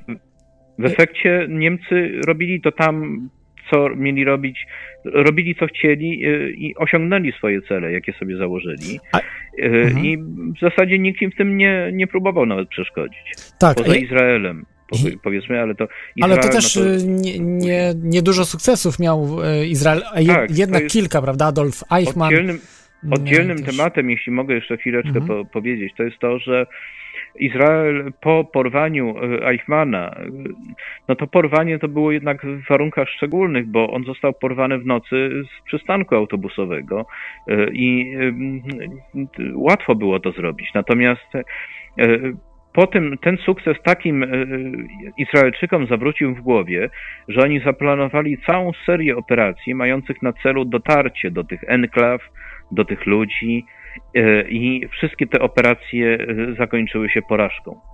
Ja wiem konkretnie o agentach izraelskich, którzy tam zginęli. To znaczy, no nie znam ich nazwisk w tej chwili, ale, ale generalnie wiem o konkretnych przypadkach, kto jak zginął i gdzie. Mhm. Więc y, to jest, to, więc to świadczy o tym właśnie, jak sprawnie ta struktura niemiecka funkcjonowała. Na przykład ta enklawa Inalco, to ona jest nad takim wielkim jeziorem polodowcowym. To jest gigantyczne. Nie, nie wiem, jaką ono ma powierzchnię, ale w każdym razie niech, niech, niech pewną informacją będzie to, że ono nie jest specjalnie płytsze od Bałtyku na przykład. Y, to, y, to było tak, że po jej obu stronach w odległości kilkudziesięciu kilometrów znajdowały się takie niemieckie miasta w zasadzie, San Martin de los Andes na północy i Bariloche na południu. Natomiast e, oczywiście bezpośrednia okolica enklawy była całkowicie kontrolowana. To był teren taki, że on był całkowicie kontrolowany. Natomiast dodatkowo po drugiej stronie jeziora no to w dosyć dużej odległości, ale na tyle, że jak się wejdzie na jakieś wzgórze, to widać drugi brzeg. E, po drugiej stronie jeziora zbudowano wieżę o wysokości 10 pięter, e, e, na której znajdowały się posterunki obserwacyjne. I jeśli na przykład jakiś samolot by próbował lądować na jeziorze, to ta wieża miała bezpośrednie połączenia radiowe ze wszystkimi placówkami w okolicy na przykład. I jeszcze na początku lat 60. ktoś tam wszedł, no to mówił, że E, ona już była opuszczona, ale jeszcze na suficie, na ostatniej kondygnacji, bo taka wieża, ona przypominała latarnię morską taką dużą. Na, na, na suficie, na tym najwyższym poziomie, to jeszcze wisiała flaga hitlerowska rozpięta na przykład. Mhm. I y, on, wieża miała wysokość 30 pięter, a jeszcze 15, 15 metrów nad nią sterczały anteny na przykład. No to to było tak zorganizowane. Mhm. I, I, to jest, no to jest bardzo ciekawa sprawa, dlatego że no, to, to jest rzeczywiście próba stworzenia takiego zakonspirowanego państwa. Mhm. Ja mam tutaj pytanie, e, bo e, jak mógłby Pan je, e, jeszcze powiedzieć o tych celach tej czwartej Rzeszy, bo one są tak troszeczkę, myślę, że dla mnie, dla słuchaczy do końca niejasne. Jakie mieli cele? No bo chyba raczej nie to, żeby sobie zbudować i mieszkać y, w danym miejscu, no. prawda? Bo jak zakłada się czwartą Rzeszę, że planowali, no nie wiem, może wybudować jakąś broń, żeby zaatakować aliantów, żeby no coś zamieszać jeszcze na świecie. Czy, czy to było Generalnie podstawowym założeniem to było czekanie na wybuch III wojny światowej. To tak hmm. jak podziemie, powiedzmy, niepodległościowe w Polsce po wojnie. Ono się utrzymało, utrzymywało gdzieś tam jeszcze do przełomu lat 40. i 50. ze względu na to, że ci ludzie żyli taką wizją, że wybuchnie wojna i my jeszcze jakby wypłyniemy na wierzch. No to, to była pierwsza taka logika. Druga była logika taka, że zapewnić przetrwanie samej ideologii w tym konspiracyjnym państwie gdzieś tam, prawda? No ale jednak no też nie można bagatelizować tego wątku, że oni tam sobie żyli, dlatego że gdyby nie uciekli, to być może by nie żyli, więc no jednak dla każdego człowieka, tak jak chociażby Borman na przykład, no to jednak żyć, a nie żyć, no to jakiś tam argument jednak jest, wydaje mi się. Natomiast oczywiście no, tych celów było wiele. No, to, zapewnienie przede wszystkim e, zachowania potencjału, który pozwoli odbudować pozycję Niemiec po wojnie. No, to, to, to był jednak cel taki już dosyć e, logiczny, racjonalny. I, I to w jakimś sensie udało się zrobić, dlatego że na przykład e, taki badacz niemiec, enerdowski w latach 60. E, napisał, powołując się na coś tam, ja nie pamiętam w tej chwili na co, ale że ten ośrodek koło Bariloche, który był utrzymywany, rozwijany później po wojnie, ten ośrodek badań jądrowych, to on na przykład pełnił rolę został wymieniony w tajnym porozumieniu, w tajnym aneksie do porozumienia o współpracy gospodarczej między RFN a Argentyną na początku lat 60., dlatego że Niemcy się obawiali na przykład, że Amerykanie wycofają swój tak zwany parasol jądrowy z Europy, czy wycofają, cofną gwarancję jądrowe dla Niemiec w wypadku wojny na przykład. I w związku z tym oni na przykład RFN partycypowało później we współpracy. Zresztą to takich przykładów można podać bardzo wiele i, i e, no, to było, to było za, za, zachowaniem jakiegoś tam, prawda, potencjału i finansowego, i naukowo-technicznego, który później w jakiejś części wrócił do Niemiec. I, e, i to były główne cele. Oczywiście z niemieckiego punktu widzenia, bo Argentyna miała też swoje cele, które były inne. To no, oczywiście oni korzystali na tym finansowo, prawda? Ale tak jak powiedziałem, no, to, to umożliwiło przeskok cywilizacyjny Argentyny, taki w sensie technicznym, prawda? Gospodarczym, technicznym. Mhm. Czyli trzecia wojna światowa, ale to trzecia wojna światowa, którą planowali, miała być wywołana przez e, tych mm, Niemców znaczy... z czwartej Rzeszy, czy, czy po prostu przygotowanie się do jakiegoś takiego konfliktu, którym by przypadkiem, powiedzmy, wybuchł? No, przypadkiem, no, to, to znaczy, no, jeśli oni zawarli porozumienie, to jest, no nie wiem, czy wszyscy słuchacze wiedzą, ale, ale osobą w zasadzie takim księciem pod koniec wojny w III Rzeszy, księciem tych najbardziej awangardowych e, projektów zbrojeniowych, e, badawczych, to był niejaki SS Obergruppenführer Hans Kammler, który no, przejął wiele rzeczy od, od, od produkcji myśliwców odrzutowych poprzez rakiety dalekiego zasięgu, różne rzeczy.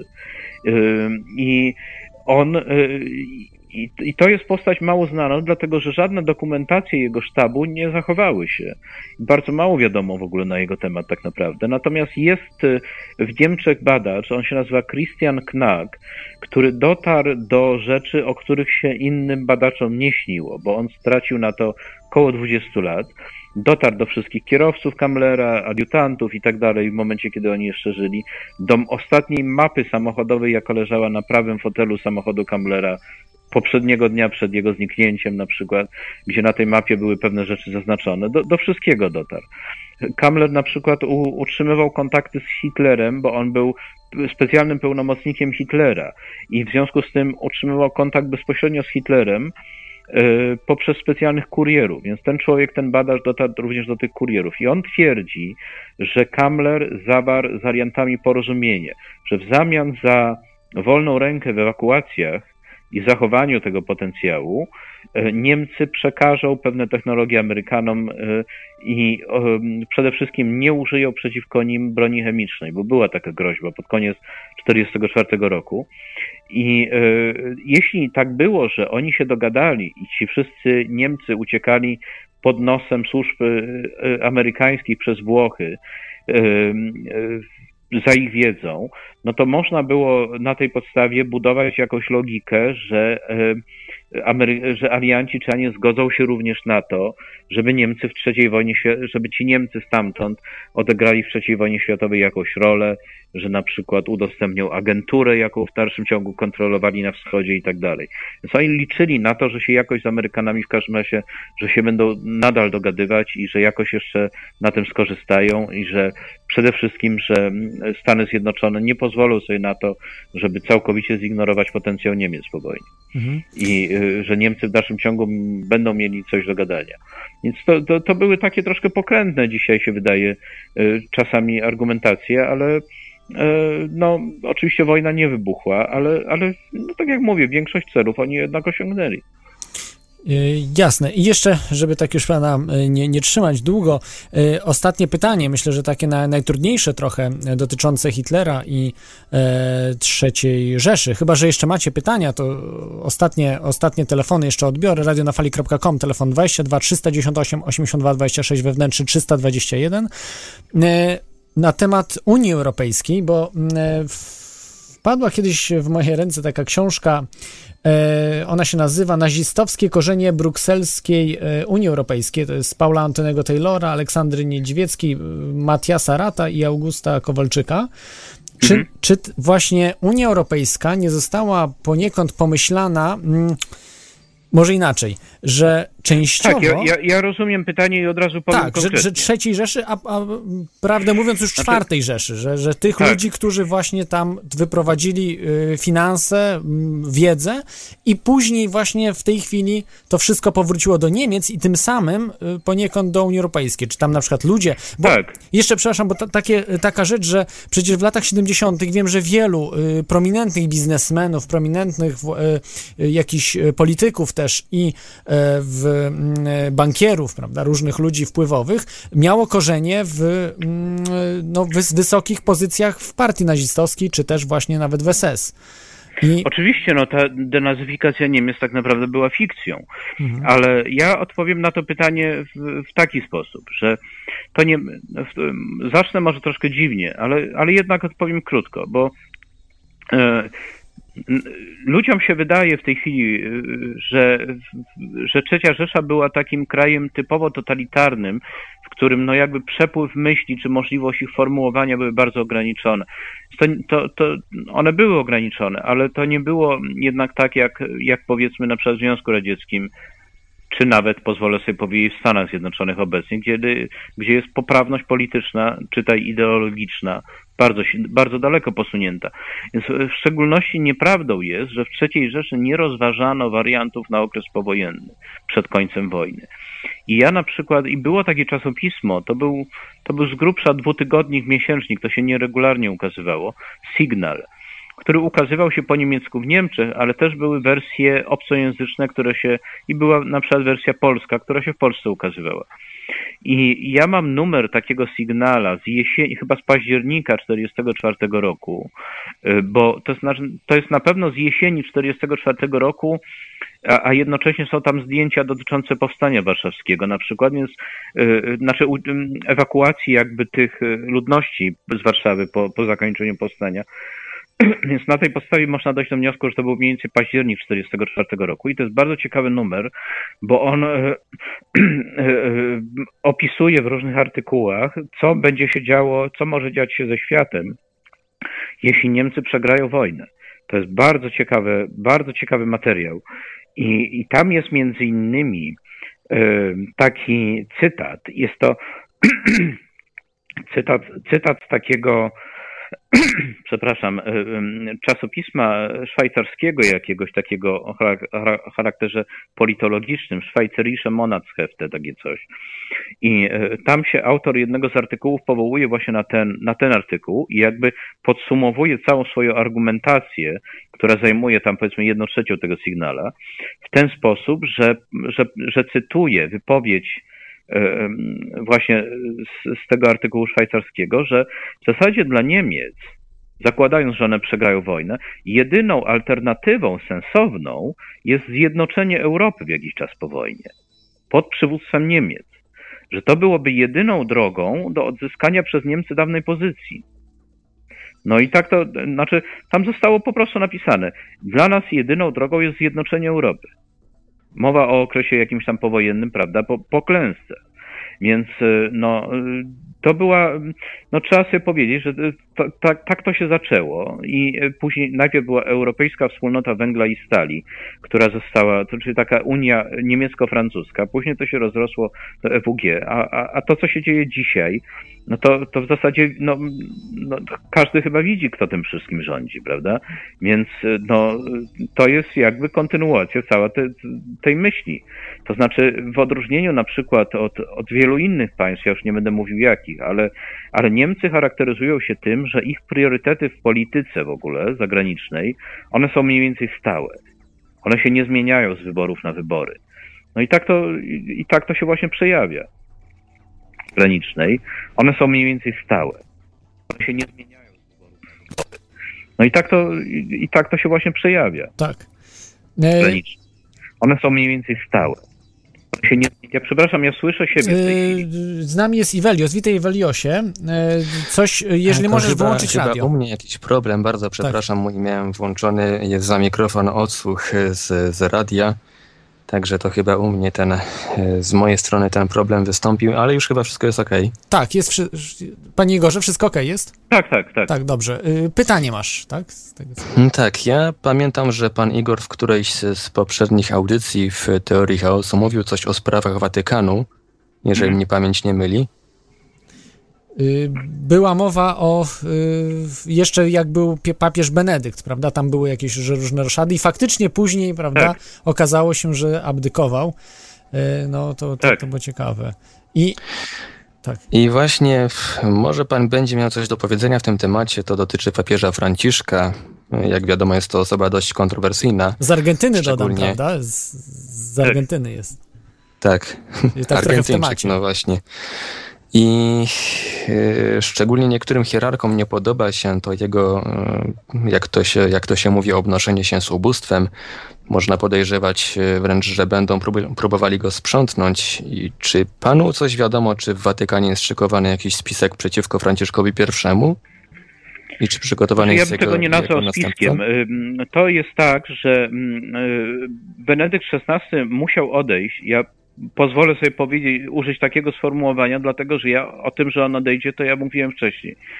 On musiał odejść e, ze względu na to, że mm, e, spora część, e, no powiedzmy, duchownych watykańskich, a zwłaszcza tak zwana kuria, czyli kuria to jest tak jakby rząd państwa Watykan, prawda? Ona mm, ma cele, miała cele zupełnie inne niż dotychczasowi papieże. To, to, była, to jest taka struktura, która istnieje własnym życiem zupełnie. E, struktura o charakterze e, no, Benedykt, ja nie, nie, będę jej nazywał, powiedzmy, co ja o niej sądzę, ale Benedykt XVI e, kiedyś, mówiąc o kurii, powiedział, że swąd szatana dotarł już w krużganki kościoła. I e, to jest, to jest taka struktura, która zmierza do, zmierzała do demontażu Watykanu w ogóle. E, to znaczy, e, ta afera, która była Vatileaks, nie Wikileaks, tylko Vatileaks, tak jak Vatican Leaks, czyli przecieki z Watykanu, to ona, znaczy w mediach mówiło się o tym, że ten szef domu papieskiego, niejaki Paolo Gabriele, że on e, wyniósł pewne informacje i że to były takie kwestie osobiste, które oni ujawniali w ramach tego Vatileaks, ale tak naprawdę jak ktoś zajrzy do internetu i poszuka pod hasłem Vatileaks, to zobaczy właśnie informacje mówiące o tym, że o po, znaczy podważaniu dogmatów i, i fundamentów wiary chrześcijańskiej. To znaczy zmierzające do, do jakby demontażu tego wszystkiego. I, I to istnieje nadal. To znaczy to, co było, ta walka, którą toczył Benedykt XVI, to ona w tej chwili tylko przybrała na sile, dlatego że ten papież e, podjął ostrą walkę z tą kurią rzymską. I e, jak to się skończy, czy, znaczy ja nic nie wiem o tym, żeby, żeby miał być przeprowadzony jakiś zamach, ale wydaje mi się, że e, znaczy z tego względu, że to by nagłośniło problem, a ci ludzie, oni wolą działać po cichu. Tak, oni tak się tego boją, tego nagłośnienia. Tak, i to by, to by było nie na ich rękę. Oni działają powiedzmy od 100 czy 200 lat i konsekwentnie realizują ten swój cel i jedyną drogą do jego zrealizowania jest robienie tego spoko w spokoju i, i po cichu. Natomiast y, nic nie wskazuje na to, żeby, żeby ten papież miał zostać zabity, przynajmniej na razie, nic konkretnego. Natomiast jest, no, jest ta, ta, perspektywa podziału w kościele jest, y, ona, ona wygląda jeszcze, jeszcze wyraźniej niż wyglądała. Tu trzeba powiedzieć o tym, że zdaje się dwa czy trzy dni po po ogłoszeniu decyzji przez Benedykta XVI, że odejdzie, to on się pomodlił, ale to pomodlił się tak przy, pod okiem kamer, prawda, i przy mikrofonach nad grobem świętego Piotra, znaczy tym, co jest uważane za grób świętego Piotra, no ale to nie, nie, nieistotne. I, I powiedział tam, że Kościół jest winien wielkiego grzechu podziału w swoim łonie. I to był taki komentarz w zasadzie do tego, dlaczego on odchodzi. Więc to świadczy o tym, że te podziały one są, one są bardzo silne i na razie się nasilają. I to, co można powiedzieć tak z dużą dozą prawdopodobieństwa, to to, że no, po, podziały w kościele będą się generalnie na, nasilać. One, y, zresztą między innymi dlatego powołano tego papieża. Oczywiście po pierwsze dlatego, że on był jakby spoza układu tego rzymskiego, prawda? Ale również dlatego, że on zna ten problem kryzysu wiary i kryzysu Kościoła, dlatego że on akurat w Argentynie występuje bardzo silnie, dlatego że tam się Kościół w ogóle opowiedział po stronie hunty. I y, no, która jednak miała na koncie nie powiedzmy 100 osób, tylko 20 tysięcy czy, czy więcej. Y, I, czyli jakby opowiedział się po stronie ludobójstwa i to wywołało bardzo silny kryzys. I, i między innymi wybrano go dlatego, że on jakby ten problem kryzysu kościoła zna dobrze i jest zdecydowany wziąć się za to. Natomiast ja uważam, że no, on niewiele zrobi, bo po prostu to to nie jest, to, to jest mitem, że to jest taka monarchia absolutna, w której władca może wszystko. To, to, to wystarczy sobie przypomnieć i, i to, to mi się przypomina film Bertolucciego, Ostatni Cesarz, co się stało właśnie jak cesarz chciał z, z, zreformować harem swoim, prawda, tym zamkniętym świadku. I to się okazało się po prostu, że tak naprawdę on nie ma takiej władzy, jak mu się wydawało, że ma. I to, to, to, to tak mniej więcej wy, wygląda. Natomiast no, to, co można powiedzieć na pewno, że podziały się będą nasilać. Mhm. No to właściwie tyle, tyle chciałem wiedzieć. E, chciałbym jeszcze pozdrowić przy okazji, zanim zejdę z anteny, słuchaczy Radia na Fali, Radia Paranormalium, szczególnie Persefone. I przepraszam jeszcze raz za tą wpadkę taką techniczną, no ale tak to jest, jak się też realizuje niektóre audycje przez Skype'a, to potem zapomina się pewne rzeczy przestawić. Dziękuję jeszcze raz i przechodzę na nasłuch. Dzięki. E, ja tylko tak już, e, panie Igorze, na koniec chciałem się zapytać mhm. jeszcze o tego Franciszka, e, naszego biednego, bo on jest z Argentyny i prawdopodobnie zna, bardzo, był kardynałem, tak, w Argentynie, tak, więc tak. doskonale zna ten temat nazistów w Argentynie Argentynie. No, podejrzewam, że, że jak już był na tak wysokich stanowiskach, to ma pojęcie o tym wszystkim, co się działo. Czy no tak. coś pan wie w tym temacie? Czy on nie miał jakichś może powiązań, czy jakiejś mm, współpracy z, z tymi, bo jak wiemy, przecież Kościół pomagał, prawda, y, nazistom y, uciekać tak. nazistom w czasie drugiej, pod, pod koniec II wojny światowej. Yy, nie wiem. Nie wiem, rzeczywiście, a zwłaszcza Kościół włoski, powiedzmy, i, a zwłaszcza księża włoscy, którzy znajdowali się w Argentynie, bo wielu zbrodniarzy. A on jest pochodzenia włoskiego, z tego co wiem, tak, właśnie, że jest. Wielu zbrodniarzy to w ogóle wyjechało na, na papierach kościelnych i, i nawet y, na przykład Eichmann wyjechał w stroju księdza. Więc y, to jest możliwe, natomiast y, mm, to nie są sprawy łatwe do badania tam, dlatego że u nas w Polsce na przykład, czy w ogóle w Europie, kwestie II wojny światowej, to to jest jakaś, dla współczesnego nowego pokolenia to jest jakaś abstrakcja, co nie ma związku z dzisiejszą rzeczywistością, bo, bo tr trudno gdziekolwiek znaleźć ten związek, prawda? Natomiast e, tam to jest, to jest zupełnie inaczej. To, są, to jest tak, że na tym powstały banki, firmy, korporacje, które w dalszym ciągu istnieją i próba grzebania w tym wszystkim, no to jest jednak nastąpieniem komuś na odcisk prędzej czy później, i, a to są jednak ludzie dosyć dobrze zorganizowani oni mają wiele do stracenia, więc y, y, nawet jeśli takie związki były, to e, no są ludzie, którzy są zainteresowani tym, żeby to nie wyszło na światło dzienne, nawet jeśli by były. Ja nie mówię, że były, prawda, przy, w przypadku tego papieża, ale, ale być może on, on, on był zaangażowany w więcej rzeczy, o których jest skłonny powiedzieć. To, to, to, to ja bym tak powiedział. Mhm. Dobrze. Y, dziękuję bardzo za, za przybycie do audycji. Chciałem się zapytać, czy na koniec chciałby jeszcze pan coś dodać właśnie w tym temacie, y, który dziś czy jakimś innym może, to jest właśnie o tej książce nowej, bo kiedy ona wyjdzie, ta nowa książka ona, właśnie rozszerzona? Y, ona, ona będzie miała tytuł Odessa i Hitler w Argentynie i ona o. wyjdzie mniej więcej wrzesień, październik. Trudno mi jeszcze dokładnie powiedzieć. Natomiast znaczy, patrząc na to, co się w ogóle dzieje z naszym światem, to wydaje mi się, że dobrze by było porozmawiać o tym przy jakiejś innej okazji. Dlatego, że no, to, co widzimy w tej chwili, e, zwłaszcza w Europie, to jest po prostu rozsypywanie się systemu. To, to nie jest normalny kryzys, prawda? Bo kryzys się zaczął w 2008 roku, a pomimo tego to się cały czas pogłębia i y, będzie się pogłębiać dalej. I to jest, natomiast wydaje mi się, że warto by było o tym porozmawiać, dlatego że wydaje mi się, że my wkraczamy w tej chwili w kluczową fazę tego wszystkiego.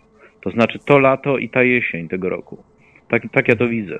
No, z miłą chęcią y, pana zaproszę, panie Igorze, właśnie, żeby y, w tym temacie podyskutować właśnie mm, no, tego kryzysu, który jest też odczuwalny, muszę powiedzieć, tutaj w Irlandii, już podejrzewam, nie mówiąc y, o Polsce, gdzie jednak mhm. są zarobki ogólnie, prawda, gospodarka troszeczkę słabiej rozwinięta. Tak. Także no, to, jest, to jest, myślę, bardzo, bardzo ciekawy temat. Także jeszcze raz dziękuję i no, życzę powodzenia we wszystkich projektach. Ja również dziękuję za zaproszenie i y, do następnego razu powiedz.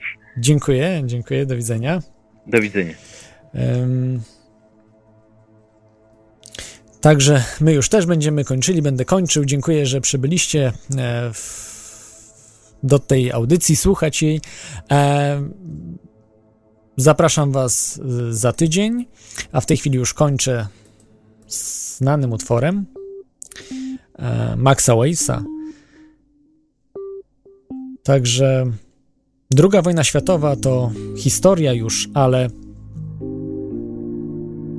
może się powtórzyć to te zbrodnicze różne rzeczy i miejmy nadzieję, że dobro przeważy, że ludzie będą chcieli coś zmienić na lepsze, ale weźmy to, co było dobre, na przykład rozwój techniki. O tym się zapomina, że rozwój techniki był dużo lepszy niż dzisiaj. Musimy to zmienić, żeby dzisiaj także był tak wysoki. Trzymajcie się, za tydzień zapraszam Was. Cześć.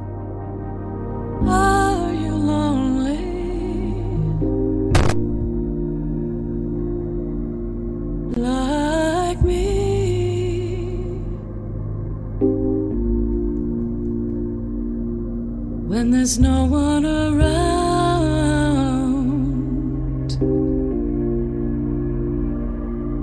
for you to talk with.